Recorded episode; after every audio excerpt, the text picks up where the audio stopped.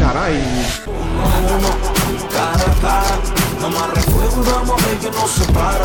Hace unos días salió un anuncio eh, diciendo que iba a hacer un cara a cara de nuevo. Cara a cara, frente a frente outra vez. Ola, saúdos. Temos nesta ocasión no cara a cara de Pontevedra Viva Radio a Miguel Filgueira.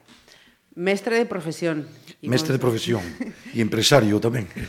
Ambas as dúas eh, vertientes, dúas... Que, que non é unha fórmula moi habitual, por certo. No, o que pasa ese... que eh, eu son un profesor dunha cooperativa. Ajá, por iso, por iso. Entón, son propietario do, uh -huh. da cooperativa e aparte, bueno, un camping tamén temos en, en Ogrove. Ajá. Pero bueno, saben de familia, non? Eu son de familia de empresa, o sea que... Mm, emprendedora, emprendedora, emprendedora, sí, señor. Sí. Eh, coñecido tamén eh, Miguel, como non podía ser doutro xeito, mm, polas eh, responsabilidades que, que tiveras no, no goberno municipal. municipal sí. Eh, pero esta vez eh, convidámolo pola súa afección moteira. En Pontevedra Viva xa publicamos unha información en, en plena viaxe e agora, xa que voltou, queremos que comparta con todos nós esa experiencia. O primeiro de todo, Miguel Filgueira, parabéns. Moitas por, grazas. Por conseguir ese objetivo de chegar ata Mongolia. Sí, ata Ulaanbaatar, Ajá. que está no extremo casi oriental de, de, do país. De, de país de Mongolia, Ajá. a verdad que sí. Decías eh, que levabais un ano preparando esta, esta experiencia. Pois sí, eh, hombre, a idea surdiu máis ou menos fai un ano, sí, posiblemente nestas datas, incluso un poño máis, posiblemente un ano e pico, non? E, bueno, é unha viaxe que hai que preparar. Eh, ten aspectos burocráticos bastante importantes, tema de visados, o tema da moto, que tamén tes que tela ben legalizada, o tema dos seguros, o tema de, bueno, de todo ese tipo de... O tema da, da mecánica da moto, tes que adaptala un pouquiño a, ao tipo de viaxe que vas a facer. Uh -huh. O sea, que é unha viaxe que require Bueno, depois o coñecemento da ruta tamén, uh -huh. eh, decir, non podes ir cos, así de calquer maneira, tens que saber un poquinho por onde vas, e incluso, yo que sei, hubo zonas que había conflicto, hubo que desviar a ruta, decir, todos os ah. preparativos leva, leva tempo, sí. Ajá. Uh -huh eh, ou seja, que non foi a tolemia decir, imos eh, o que saia. No, no. no Esto eh, hombre, algo de tolemia sempre hai estas cousas, pero pero bueno, é dicir, tolemia controlada, non? Ajá. Eu tampouco eu non nacín pa, pa heroe, non? E bueno, tampouco se trataba de eso, se trataba de disfrutar coa viaxe. Uh -huh. Entonces preparando a, pois sempre uh -huh. pre, o sea, preves as posibles dificultades que tamén que van surdindo, claro. Mm. Hai outras que non, que son surden e hai que resolvelas. E hai que resolvelas no momento, con imaginación ou coas sí. ferramentas que tiñas nese momento, que tamén creo que haberá momento nesta, nesta charla. Sí. Eh, eras o, o único galego, non? Sí, foi... eh, bueno, o único que saliu de Galicia. Ajá. Había eh, había outro que era galego, mm. pero leva eh, casi pois o 40 anos un de Madrid que leva 40 anos en, entre Madrid e Barcelona, o sea que, bueno, él linda ben a Galicia, uh -huh. pero bueno, eh, o único que salón de Pontevedra fun eu. Ajá. Eh, en total éramos 11. 11 persoas. 11 persoas. Ajá. E era, eh, bueno, eu era galego, de Madrid había varios, eu creo que en Madrid era o grosso, había tres ou catro, había un andaluz, que era un dos organizadores, había un valenciano, había un catalán, uh -huh. había un, un castellano manchego, É dicir, en total éramos 11. Uh -huh. Non houbo ninguna muller atrevida para no, facer... eh, hai poucas mulleres moteiras. Ajá, eh, certo. e polo camiño topamos dúas. Ajá. E unha suiza e unha alemana, recordo. Eh, pero é difícil, eh? Mm, o mundo uh -huh. moteiro, moteiro é un mundo bastante masculino, masculino pero cada vez hai máis mulleres, eh? Ajá. mulleres bravas, non valentes. Ajá. Aleg alégrome. Sí. Mira, a... case un mes, non? De... Un mes e pico, un mes, eh, salimos, eu salín o 28 de Pontevedra e chegamos a Ulan Batar o día eh, 31. Uh -huh. O sea, que foi un mes e pico. Depois estivemos en Ulan Batar un par de días preparando que a repatriación da moto e esas cousas, non? Uh -huh. Eh, mira, percorrido países e, e, e impresións de cada un deles, contanos. Eh, bueno, vamos a ver. Eh, bueno, eh, eu atravesei primeiro España, eh, Ajá. eh, unha ola de calor bastante importante. Ah, sí. E nada, cheguei o día seguinte a Barcelona, ali nos juntamos todos e collemos un ferry e fomos hasta Italia.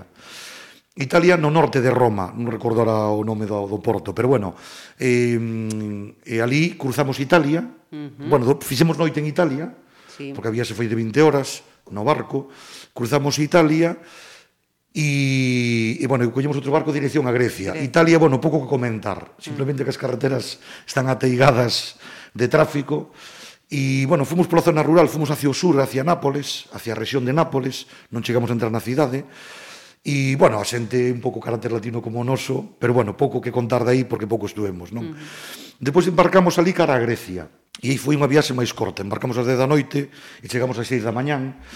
E tamén hubo que atravesar Grecia e, bueno, Grecia é unha moi grata impresión. Ajá. Un país mediterráneo tamén, sí. unha boa gastronomía, unha, unha gastronomía moi similar á nosa, abundante en peixes, carnes, eh, esto, verduras, froitas, eh, se moito aceite de oliva. Uh -huh. Me chamou a atención que ali hai bosques de olivos, é dicir, non sí. como aquí que hai plantacións. Uh -huh.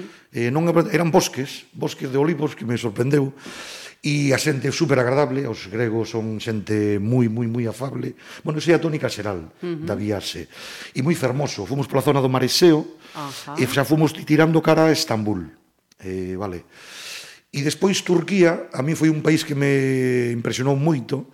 Bueno, a entrada en Estambul foi un pouco caótica, realmente. Eh, aparte porque nós tiñamos que atravesar o Bósforo, hai unha ponte imensa, con muitísimos carrís que estaban en obras. entonces ali había un guirigay tremendo E, bueno, eu creo que aí aprendín a conducir máis mm, dicir, en, en urbano, non? Esquivei moitos coches, é dicir, incluso perigoso, creo, eh? Ajá. Eh, teñen unha conducción un pouco temeraria, pero o que me sorprendía era que non se alteraban sempre coa sonrisa, Dizer, a mellor facían unha burrada, te saludaban, te sonrían, seguían, e dices, ti, bueno, casi me acabas de matar, pero bueno, pero, pero bueno, pero eh, viva la vida. Sin, ma, sin mal ánimo, sin, sin intención. Mal, no, no, non vía intención, era un pouco buscarse a vida porque aquilo era un guirigay tremendo. Ajá. E pois Turquía nos movemos máis ben polas zonas rurais. Ajá. E a min eso foi o que me impresionou, non? E, eh, bueno, a amabilidade da xente e a alegría da xente. O sea, eh, sempre teño unha sonrisa nos beizos, non? Ajá.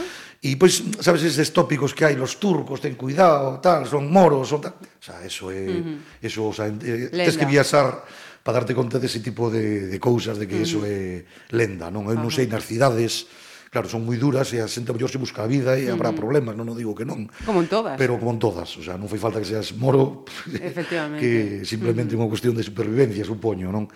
E nada, e por aí a xente, bueno, en un país emerxente, están eh, de, mellorando moito o tema de estructuras, de infraestructuras, pero, eh, bueno, as zonas rurais siguen sendo moi humildes, moi humildes, E como todas as zonas humildes, a xente te dá todo o que ten. Uh -huh. E ademais cunha amabilidade extrema e cunha alegría que foi o que me sorprendeu. Sempre están con unha sonrisa nos beizos, uh -huh. todos, e homes, mulleres, e tal. Hombre, aspecto negativo, en Estambul o tema religioso un pouco duro, non? O tema dos burcas, o tema de que vai o home diante e as mulleres detrás, detrás uh -huh. cos nenos, eh, ou incluso mm, eu que sei, eh, eu que sei, bueno, o trato a veces ves que que, que ele é un pouco o que domina esas cousas non uh -huh. non acabo de entendelas, uh -huh. non?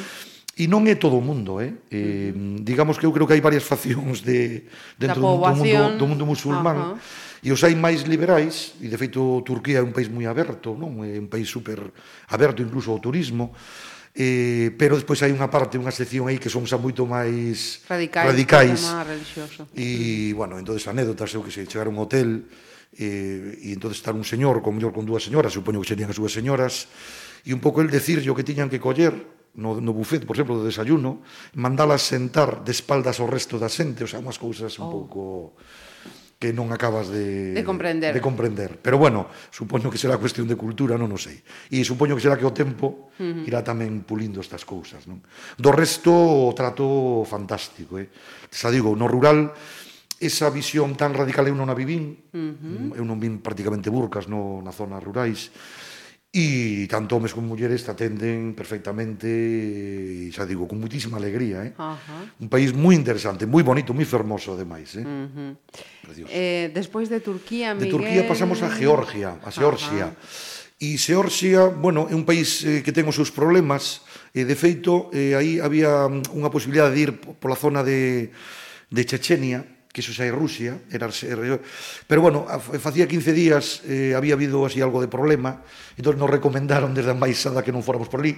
A cousa estaba tranquila, uh -huh. de feito teñamos contacto con algún foro moteiro e decían que non había absolutamente ningún problema, que a xente o mismo, uh -huh. a tónica xeral é super atenta, super, uh -huh. vamos, encantadora e todo o demais, pero bueno, eh, preventivamente fomos de Seorgia hacia o norte, hacia Rusia. E Seorgia é un país pequeno, que tuvo moitos problemas coa caída do muro, aí hubo países que se dedicaron a anexionar o territorio, Rusia se levou unha parte, Turquía se levou outra parte, Armenia se levou outra parte, quedaron ali un poquinho no medio, teñen algo de conflito étnico, pero un país moi interesante, moi respetuoso a súa natureza, uh -huh. e de feito, bueno, unha anécdota, recordo o típico, os fumadores que a veces teñen esas cousas, eu non o son, pero funo, pero un dos nosos fumador, o típico, que estaba fumando un pitillo na frontera, e estuvo mirando, non atopou tal, e tirou no chan. No chan. Mal feito, evidentemente, claro, se o recriminamos, se acercou un guardia e dixo rapidamente colle, que colle eso e a, e a Mar lle explicou que en Georgia uh -huh. que había que tal, e nos incluso votamos unha reprimenda uh -huh. de macho, non nos deixes quedar mal aos galegos, bueno, os españoles en este caso, pero sí moi respetuosos coa natureza, cuidan moito. Eu creo porque teñen un filón aí económico co turismo. E, bueno, e hai unha ruta que eu creo que foi das máis emblemáticas. Chamanlle a ruta dos militares. Non sei moi ben porque me contaron a historia. Eu creo que era unha ruta de paso de que viñan os militares rusos, bueno, algo que ten que ver cos militares. Cos militares. E é unha preciosidade, é un paisaxe de montaña, montañoso. A mí me gusta moito a montaña e montañas de todos os tipos, eh, verdes onduladas e montañas altas de 5.000 e pico metros, con neves perpetuas, uh -huh. unha carretera moi revirada, eh, un poquinho incómoda porque non estaba en moi bo estado e con moito tráfico. E sobre todo moito tráfico pesado. Uh -huh. Porque estaba na fronteira casi con Rusia, unha das fronteiras con Rusia. Entón, claro, moito comercio e tal, pero a paisaxe... Impresionante. Impresionante. Uh -huh. E dai pasamos a Rusia. Ajá. E de Rusia eh, fomos hacia hacia Volgogrado, eh, o que era antiguamente Stalingrado. Ajá. E, bueno, Rusia, mmm, vamos a ver, eh, ten as estradas non, non demasiado bo estado e demasi, eh, con moito tráfico, sobre todo de tráfico pesado. E aparte ten un parque móvil pesado moi antigo. Debe ser que os camións son moi bons, Ajá. os famosos Kamaz, estes ah, que son, no, que son os que ganan o París Dakar de, de toda a vida. Ajá. Deben ser camións eternos, porque ves montón deles. O que pasa que botan unha fumeira tremenda, negra, xa. e para a moto é moi, moi mm. desagradable, mm. claro, porque vas comendo continuamente... Mm Entón, e as estradas en non demasiado bo estado. Uh -huh. e, pero bueno, depois volvo a Grado, unha cidade típica rusa, coas típicas edificacións sobrias, grandes, así edificios grandes, majestuosos, que a mí me gustan, o sea, teñen o seu punto, son un pouco uh -huh. sobrios demais, pero bueno, teñen o seu encanto, non? Unha cidade, bueno, o centro ben cuidado, os, as periferias un poquinho menos, sempre o mesmo, e as zonas eh, rurais, eso sí, todas traballadas, grandes estepas, uh -huh. con moito cereal, todo traballado, todo, bueno, seguindo ainda os cánones un pouco, supoño, da Unión Soviética, creo que están máis privadas agora, supoño, pero, bueno, cidades interesantes. E aí, en ese tramo, pasamos quizás a peor etapa de toda, fíjate, curiosamente, oh. foi en Rusia, e foi pola climatoloxía, non? O sea, nos caeu unha ruta de 500 kilómetros e foi, eh, bueno, el diluvio universal sea, oh. foi, de, foron casi de cerros ou 11, e empezamos por un tramo en bo estado, pero con muitísimo tráfico pesado, pero chovendo seguido, seguido, seguido, seguido, seguido, e despois os últimos 200 pico kilómetros por unha carretera non mala, nefasta. Eu, mira que fui un concelleiro do rural, e non creo que haxa unha carretera no rural no peor, no mal estado que estaba que esa estrada, que... que era unha estrada nacional que unía coa fronteira de Kazajistán. Oh. Era unha das entradas de Kazajistán e unha carretera internacional incluso, un estado absolutamente lamentable. De feito, había un montón de camións eh, tiraos, sobre sempre polo mesmo, roturas de eixos, rodas reventadas, é dicir, uns baches del copón. Claro. entonces claro, foi un inferno, porque aparte da choiva, cada vez que pasaba un camión ao teu lado era como se si te botara un eh. caldeiro de agua encima. entonces O sea, chegamos, bueno, eu non me quedou nada sin mollar, o sea, cheguei, eso levaba trase de aguas, nada imposible. Uh -huh. Foi realmente, además nos costou chegar, eh. Uh -huh. Estuvimos a punto incluso de tiñamos planificado chegar a un lugar e estuvimos a piques de, de abortar Decíamos, un pouco sí. e dicir, bueno, vamos a esperar que escampe. Uh -huh. Pero bueno, ao final seguimos e chegamos e, e ben, non? E rematou. E daí eh, a Kazajistán... Ca eso Kazajistán, Kazajistán é un grandísimo país, un país, ese sí que é un país emerxente, ten unha riqueza natural brutal, eh, a base de, sobre todo, petróleo, gas natural e minerais diversos, non? E entón vese que é un país que ten unha renta per cápita moi alta. Hai desigual, bueno, hai dúas razas tamén, que son os kazajos de, de rasgos orientais e os eslavos que son un pouco procedencias de rusa, máis, non? No. Ou menos un 60-40 e tamén distintas religións. Os kazajos son máis ben musulmáns e os eslavos son ortodoxos, pero nin uns nin outros son fanáticos religiosos. Uh -huh. De feito, eu non escuitei en todos os días que tivemos ali, que foron ainda oito días ou dez, eh, as chamadas estas á mezquita, nin, o sea, non se ve ambiente como se veía en Turquía, por exemplo, uh -huh. que as horas aquelas sempre sí, sonaban os... O tema religioso os, é máis sí, máis tal, aquí non. E a convivencia entre razas perfecta. Por menos eu a sensación que tuven. Había moita mescolanza de moito mestizaxe. Uh -huh. O que hai gran diferencia entre cidades e rural. E ru o rural está moi pouco desenvolvido e as cidades están moi desenvolvidas. Son cidades moi modernas, pero modernísimas. E en concreto Astana é un museo de arte posmoderno total, eh? é unha cidade que non ten moito que ver porque se ve rápido, pero é unha cidade que eu creo que hai que ver, eh? Mm. Porque eu creo que os non sei, non coñezo os arquitectos que estiveron ali, pero verdadeiras obras de arte do posmodernismo da vanguardia. Edificios acristalados de aceiro, torcidos, inclinados en forma de vela, eu que sei, mil historias. Virguería. Incluso edificios clásicos pero modernos, a con, eh, o sea, que é un espectáculo. Unha cidade preciosa. E as cidades as teñen moi ben cuidadas, incluso con moitos espacios para que a xente pasee, eu creo que é un pouco cultura musulmán, non? Uh -huh. Espacios públicos e tal. E a xente é super encantadora. Eh? Aquí en Kazajistán, é o que contaba aí en algún caso, de verdad, nos sorprendeu, non deben estar acostumados a que pase moito turismo en moto, uh -huh. de feito ves poucas motos, casi ninguna, E, e era como chegar ás cidades era de verdad como se si chegáramos os Rolling Stones, o sea, era unha cousa non exagero, eh? O sea, era, ao principio nos pitaban, nos pensábamos que era por algún, Sí, algo estou a facer mal. A, a estamos facendo mal, pero que va, que va, era era saludo, saludo, pero era continuo, pero eran todas as cidades, era e a xente polas, polas ventás uh -huh. e cando parabas eh, veña fotos e veña tal, o sea, de verdadeiramente o sea, increíble, uh -huh. non?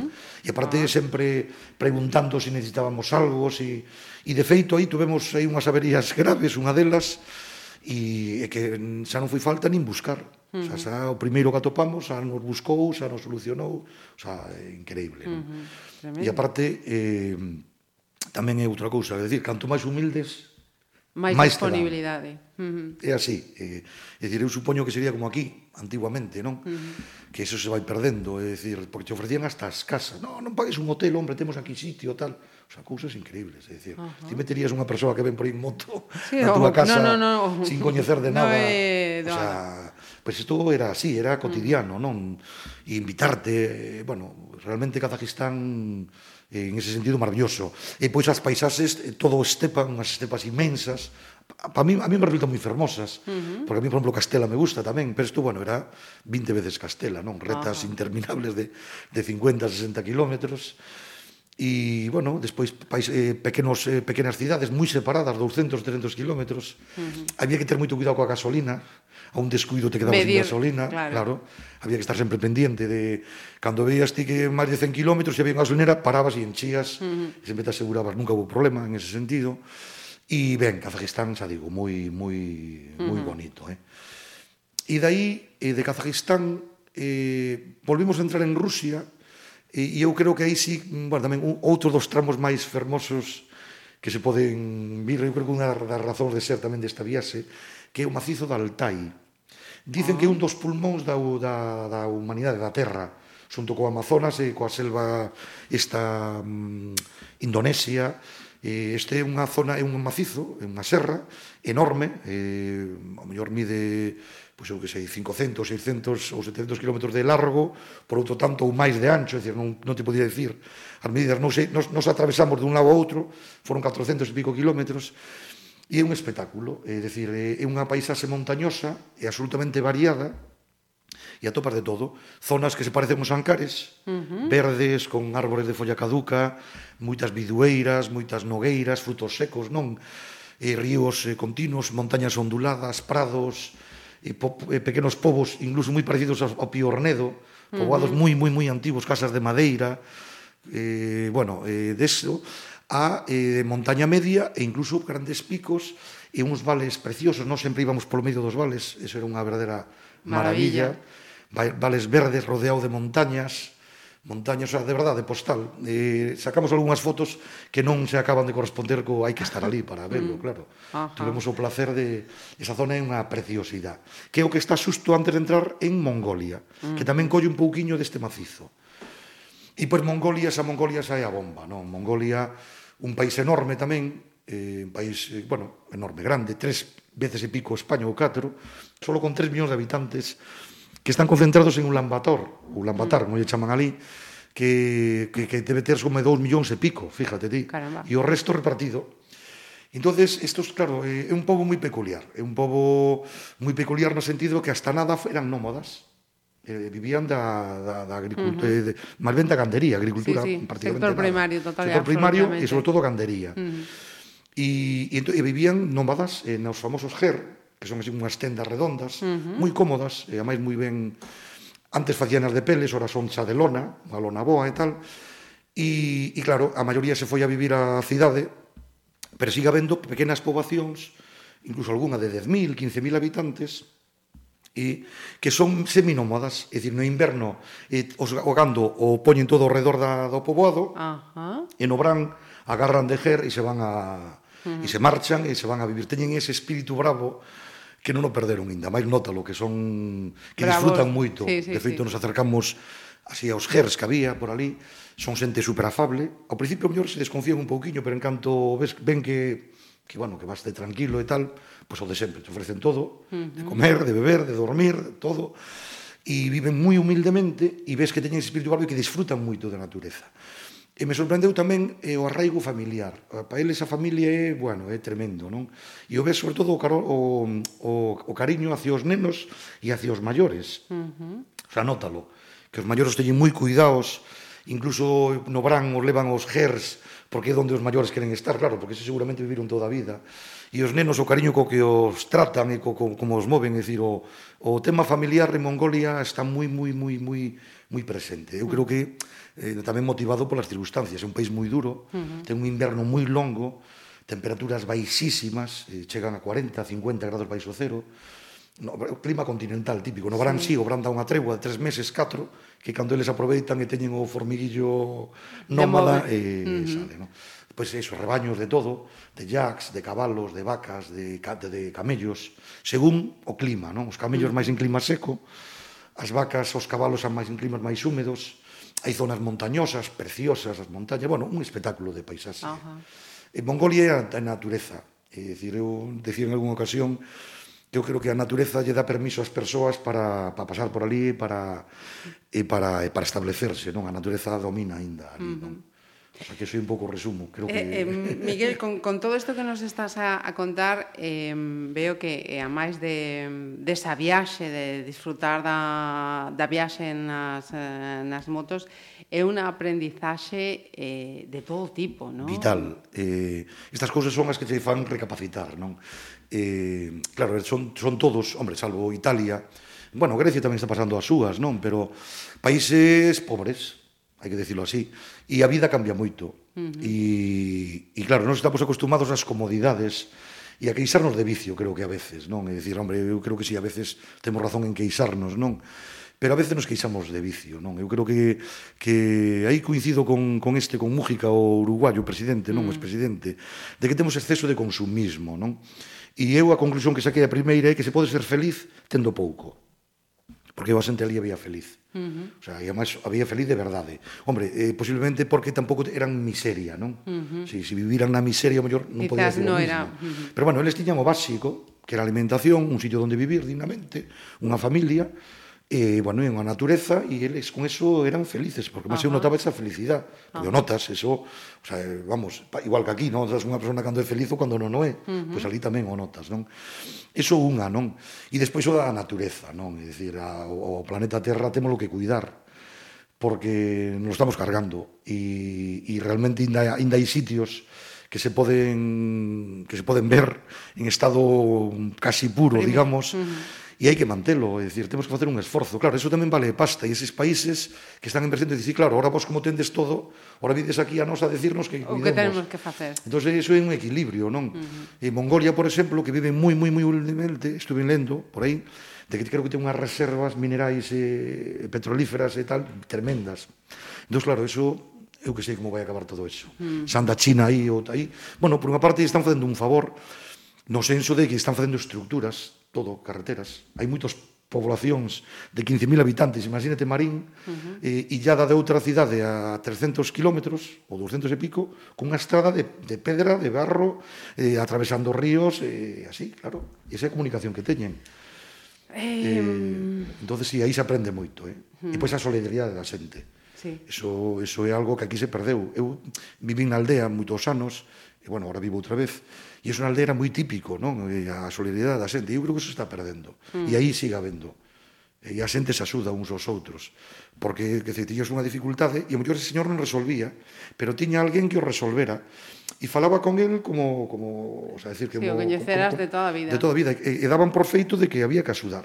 Uh -huh de que, inda que non fora el o que tiña que axudar, el falaba con alguén, con un veciño, cun amigo, mm. ou cun señor que sabía que era un bo soldador, e, e o daban como por feito. Como Espírito era, solidario sí, natural, sen reservas. De forma natural, era algo que eu creo que o levan dentro. Non? Uh -huh tes eh, falado mm. de, de, da diferencia eso a das carreteras, de, de pasar sí. de autostradas a camiños eh, infernais, eh, decías. Sí. Eh, tamén aloxamentos en, en hotéis, en, bueno, todo un pouco. en esas eh, tendas, eh, de, de, de todo, todo un pouco. ¿no? Pois mira, eh, pasamos de dormir en hoteles decentes vos, eh, Hombre, a vida é barata, entonces, bueno, permitía o dormir sempre que se podía en hotéis así mellor un puño decentes, E, pero bueno, había que adaptarse un pouco á ruta e por onde ibas, non? Uh -huh. E, hombre, poderia decir que o 80% dormimos en sitios bastante humildes, porque era o que había, claro.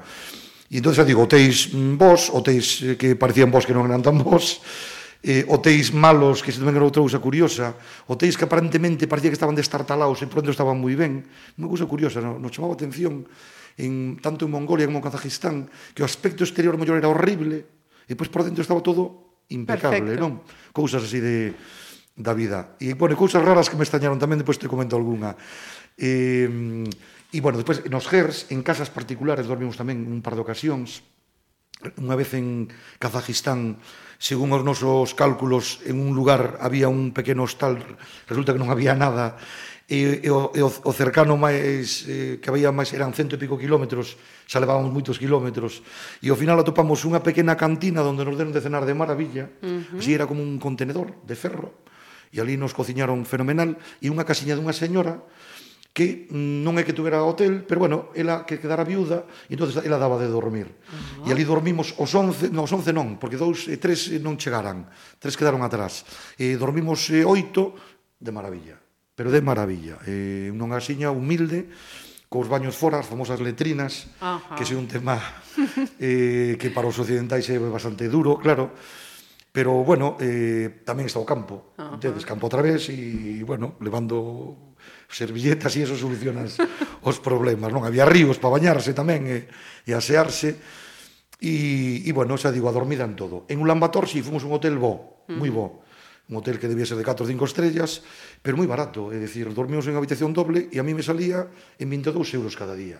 Un desayuno, sí, moi barato. Uh -huh. Por eso que decimos, bueno, para pa acabar, mm-hmm. uh -huh. vamos a acabar a ben. A en condicións. E mm-hmm. acabar ben, Ajá. eso cómodo, porque xa estábamos un pouco baqueteados de da trayectoria. Eh, mira, eh, falabas de, de cousas estranas. Eh, que, sí, que pasou? Esas cousas que sorprenden. Pois pues mira, eh, unha cousa son tonterías, pero que te sorprenden. Uh -huh. non? Eh, por exemplo, en nos hotéis, en eh, nos lugares, nos edificios, o primeiro piso sempre é a planta baixa. Unha cousa moi curiosa. Uh -huh. E de feito, eu primeiro nos hotéis me montaba un cacao, porque daba baixo e aparecía por, nos sótanos alá. O sea, sabes, eles, eh, a planta baixa é o primeiro. Sí, sí, sí. Entón, a partir de aí contan. E iso xenérico, non? En todos os lados. Uh -huh. E depois outra cosa que me fijei son tonterías, os escalóns sí. son máis son máis pequenos. E ao principio Sí, sí, costa. Costa, porque aquí os escalóns teñen unha medida máis ou menos estándar uh -huh. e son máis altos que por aí en Kazajistán, en Mongolia, incluso en Rusia son máis estreitos. E me sorprende porque, por exemplo, os kazajos e os rusos incluso son altos uh -huh. e teñen os escalóns máis baixos, é outra cousa. E outra cousa que me sorprendía era o de agua quente e agua fría eh, no, prácticamente no 90%, 95% a agua quente é azul e a fría é vermella. o sea, curiosidades así destas bueno, así cotidianas que te iban sí, dando conta e dicía, bueno, cando pues una, mira, una persona viaxa, pois pues, eh, atopa esa Pero dice, claro. bueno, ao principio pensas que é unha anécdota, dices, bueno, ou se confundiron, tamén pasa aquí a mm, veces, se poñen sí. o grifo ao revés. Pero claro, te das conta que en todos os lados. Ajá. E dices, coño, que raro. Porque, bueno, Despois da primeira escaldada, non? Eh, sí, bueno, claro, no, despois de que ves que non sale que non sale, claro, sí. E eh, detalles, bueno, e eh, despois uh -huh. eh, bueno, nas comidas, claro, tamén. Eh, bueno, hasta Turquía, mm, que conste que bastante similar coas súas variantes, non? Un pollo máis especial. Teñen, pero a partir de aí si sí, as comidas a cambian. Por exemplo, se casi non hai peixe, hai algún peixe de río, bastante insípidos, pero teñen moi boa carne. Uh -huh. E, por exemplo, no caso de Mongolia, que, claro, realmente teñen pouca materia prima, porque teñen carne e teñen pouco vegetal, porque as, as temperaturas son moi extremas, uh -huh. pero, desde logo, moi ben, eh? porque son distintas carnes, preparadas de distintas maneiras, con 4 ou 5 cousiñas, E, bueno, hombre, ao final te aburres un pouco, pero, mm. pero realmente eu non podo decir que comera mal, son de bo comer, Ajá. xa se ve, non? pero, pero vamos, que, que comimos ben Ajá. en todo o sitio. E a máis dá igual donde comeras, tanto mm. nos lugares humildes como nos lugares... Como... En xeral se comía ben, eh? Mm -hmm. Se comía ben, a verdad. Eh, aqueles que, que siguen a, a Miguel Filgueira pola red social Facebook sí. eh, estábamos perfectamente informados do que ocorría cada día porque él casi que a diario eh, subía un vídeo contando sí. a, a experiencia. Isto foi algo que xa tiñas previsto ou foi surdindo? Pois foi Subir... surdindo, eh, foi surdindo. Eh, fíjate ti, pois unha cuñada eh, me dicía, Concho, eh, mándanos eh, información, porque claro, va a estar moi... E bueno, pois pues, e tal, mando algo de vez en cando no Facebook. E xa na primeira etapa en Tudela, que foi hasta onde cheguei, sí. un calor extremo, pois dixen, bueno, pois pues, vou a, a tal. E bueno, vin que había seguimento, uh -huh. e sobre todo moitos exalumnos meus. Ajá. Uh -huh. Moitísimos eh, bueno, pois pues amigos, claro, amigos, de, bueno, dunha peña moteira que temos por aquí, e, bueno, amigos de toda a vida, e familia e tal, pero sobre todo os exalumnos, uh -huh. moitos exalumnos meus do, do Abrente, de Porto Novo, do Colexo Abrente. E, bueno, como que me fui animando, me fui animando porque, dixe, bueno, pois están interesados, E entonces aí me entrou a, non sei, o gusaniño, ¿no? Por... o gusanillo didáctico Ajá. Uh -huh. de explicarse un poquinho as cousas e foi aí. E tuve o handicap de que nunha das etapas en Rusia precisamente, ah, nunha, nunha estrada desas de baches e tal, nun bache debeu saltar o móvil no soporte que tiña. Uh -huh. e non me enterei. Cando me din conta, claro, fun varios kilómetros para atrás intentando recuperalo, pero xa non o topei. Foi e me quedei sin el. E cual, bueno, foi un pouco o problema. Aí te das conta da dependencia que tes destes cacharrillos mm porque quedei incomunicado. Mm. Entón, ao final, comprei un que tamén foi bastante complicado, porque xa tuve, estábamos xa salindo de Rusia, entrando en Mongolia, e o comprei en Mongolia, un medio mercado negro, eu non sei se o móvil é legal, se non é legal, se é pirateado, non teño ni idea. Sei que me sale moi barato, de cento e pico euros, dicen que aquí vale 500 ou 600, entón debe ser, non sei, algo, algo terá, funciona ben, E aí pude, eh, digamos, non andar dependendo sempre dos meus amigos, pero claro, non tiña WhatsApp, porque non podía claro, acceder a Google. Claro, os contactos, claro. Eh, salvo que abrir unha conta nova, pero claro, mm. non tiña os contactos. Eu solamente tiña un contacto que era o de miñas muller, sí. que era o único teléfono que tiña memorizado. Mm -hmm. Por demais, entón, bueno, me fun solventando e puden, o que si sí puden era, co meu móvil, desde ali entrar en Facebook. Ajá. Entonces tuve un, par, un paréntese aí sí. de dous ou tres días que non puiden, E pois si, sí, vol, volvín a retomar. E foi unha pena, porque foi xusto cando entramos en, en Altai. Ajá, no macizo. No macizo de Altai, e despois tuve que facer un resumo, porque claro, tampouco me podía alargar uh -huh. moito. E, e bueno, me dixo así un pouco tal, e me din conta de que dependemos demasiado, que hai que loitar un pouquiño contra eso, eh? Ajá. Porque senón parece que estás pegado a unha máquina, non uh -huh. continua, e estás, eh? estás eh, dependendo... Casi que, que sentías un pouco mm, pasando os días a, a obriga, ¿no? Decir, mm, teño aí Sí, estaba como, te sentía como un pouco incomunicado realmente, sabes? Porque, uh -huh. claro, falar coa familia eh, tiña que eh, pedir, bueno, tuve que, primeiro, pedir un móvil a un compañeiro, tiña memorizado ese único número que tenía, sí. e con ese número conseguín dous ou tres ou catro, claro, Ajá. tampouco me vou a poñer a, a unha persona sí, a recuperar, todo, a, recuperar todos claro. os números que uh -huh. tiña, non? E entón, con eso, pues, podía manter certa comunicación, pero claro, sempre dependendo dun teléfono de outro, uh -huh. que houbera cobertura, que eso era outra, porque había que facelo a través de wifi, Ajá E entonces eso era outro detalle, había zonas onde non había cobertura, entonces de feito moitas reportaxes, o mellor as gravaba e non as podía mandar hasta o día seguinte, mm, donde atopaba un sitio con wifi que podía mandar. Que non? podía chegar. Pero claro. bueno, eso forma parte da salsa tamén. Sí, non? sí, é unha aprendizaxe máis da, da experiencia.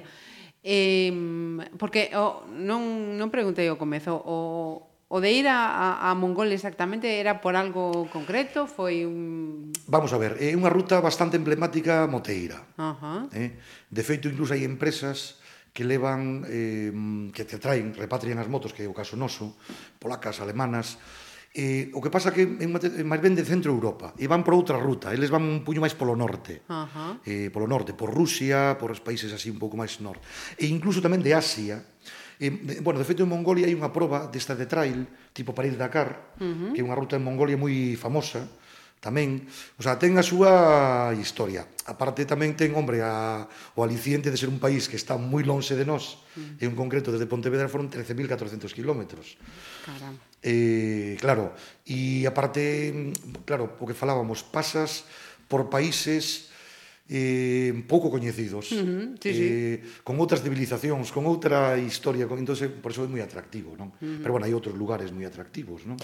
Eh, ti comentabas cando falamos eh, nas primeiras semanas da, sí. da viaxe que xa tiñas eh, feito algunhas rutas, pero non tan longas como, a, como non, esta. Non, eu coa esta moto que chamo Invencible. Esa era outra cuestión, sí, a Invencible. A Invencible, bueno, ten nome e apelido realmente. Eu empecé chamándolle Guerrilleira. Ah. Eu sabes que son unha persona así, bueno, izquierdosa e un pouco tal. e bueno, Guerrilleira me pareció, bueno, porque é unha moto eh, unha moto dura, unha moto de viaxar, unha moto que poder dar a volta ao mundo con ela, non? Eh, o de Invencible puxenlo despois porque que nunca me deixou tirado Porque nin un pinchazo. E teño pinchado. Uh -huh. Pero como non ten cámara dentro, me ten, teño levado un clavo, pois mellor unha semana ou dúas semanas, e nunca tuve que parar por nada. O sea, nunca me dixou tirado. E pois pues, chamo tamén poderosa. Eu chamo guerrilleira invencible e poderosa. E o de poderosa é unha homenaxe que lle fago ao Che Guevara, hombre, porque o Che ah, Guevara vale. fixo un recorrido en moto tamén por Sudamérica. Ah, non sabía. Que dicen que foi donde el, porque ele era de unha familia moi burguesa, unha uh -huh. familia moi rica. Sí. E entonces fixo unha viaxe cun compañeiro cando acabou a carreira de medicina cunha moto a poderosa, e percorreu todo Sudamérica e aí dice onde foi onde tomou conciencia de, do estado que estaba a Sudamérica, uh -huh. non? O estado de miseria, de pobreza, de injusticia, etcétera, etcétera, non? E bueno, ese é o que conta el nos diarios que el ten, non? Entón, bueno, como homenaxe eso, pero bueno, eu, eu chamo yo invencible, eh, eu, Ajá. me parece máis Sobre todo é a invencible. E nesta eh... viaxe, buf, eh, pasou momentos, joder, eh, que, uh -huh. que eu pensei que non, que non podía ser. Ajá duros. E, eh, eh, lembro, o, se non foi a última, unha das últimas, eh, a, a la en Ulan Bator, sí. chea de barro, sí. feita... Sí. Mm, 13.400 kilómetros levaba en riba. Claro, por... levaba en riba e nos, eh, fíjate, iba a ser unha etapa de unha etapa, por iso digo que as cousas nunca están previstas, mm. non? Iba a ser unha etapa de descanso. E bueno, nos queda, nos chegaba, chega, eh, solamente nos faltaba unha etapa para chegar ao Ulan Batar, non? E era por, eh, por estrada, uh -huh. o sea, que digo, bah, queda unha etapa, bueno, pois pues, entón vamos a descansar. E estábamos nun sitio que, que eh, non recordo o nome, o teño por aí apuntado, non pasa nada. que é onde se fixo o primeiro mosteiro budista de Mongolia, Ajá. que o fundou precisamente este Gengis Khan, o ah, famoso emperador este, sí Estamos nese pobo e dixemos, va, pues mira, descansamos, pero vamos a ver unhas cascadas que hai aquí e tal. Entón empezamos a preguntar.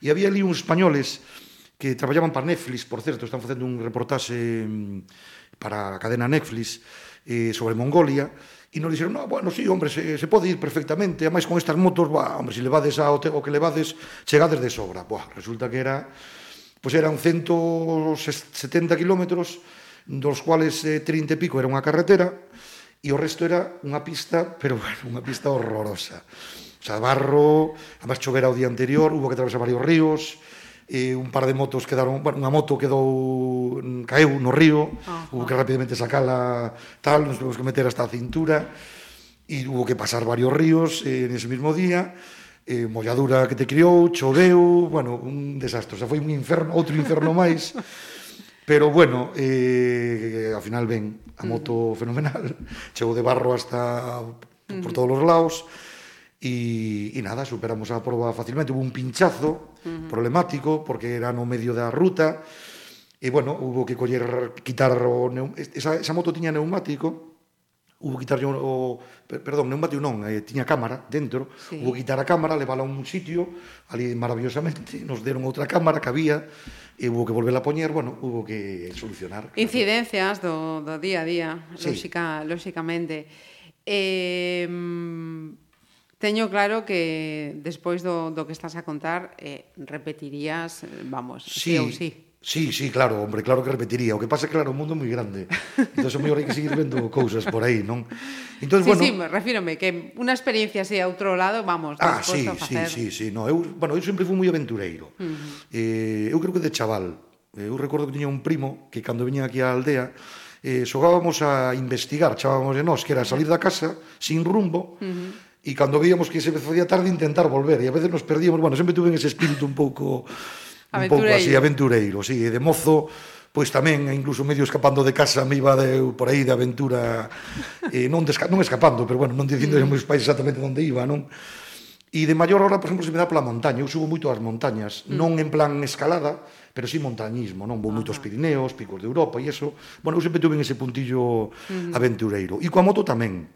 E coa moto, sobre todo pola península. Eu creo que esta moto recorreu a península ibérica xa varias veces, de cabo a rabo, uh -huh. a Cataluña, Andalucía, ao cabo de Gata, Portugal, por la costa, polo interior, e despois incluso a Francia tamén entrei algo. O sea, esta moto recorreu uh -huh. muitísimos kilómetros. Eu no Bran suelo coller eh, un mes de vacacións eh, e 15 días ou 3 semanas nos últimos 6-7 anos o fago en, en, en moto. moto Uh eh, -huh. E entón faco rutas de eso, de tres semanas, eh, uh -huh. por aí, non?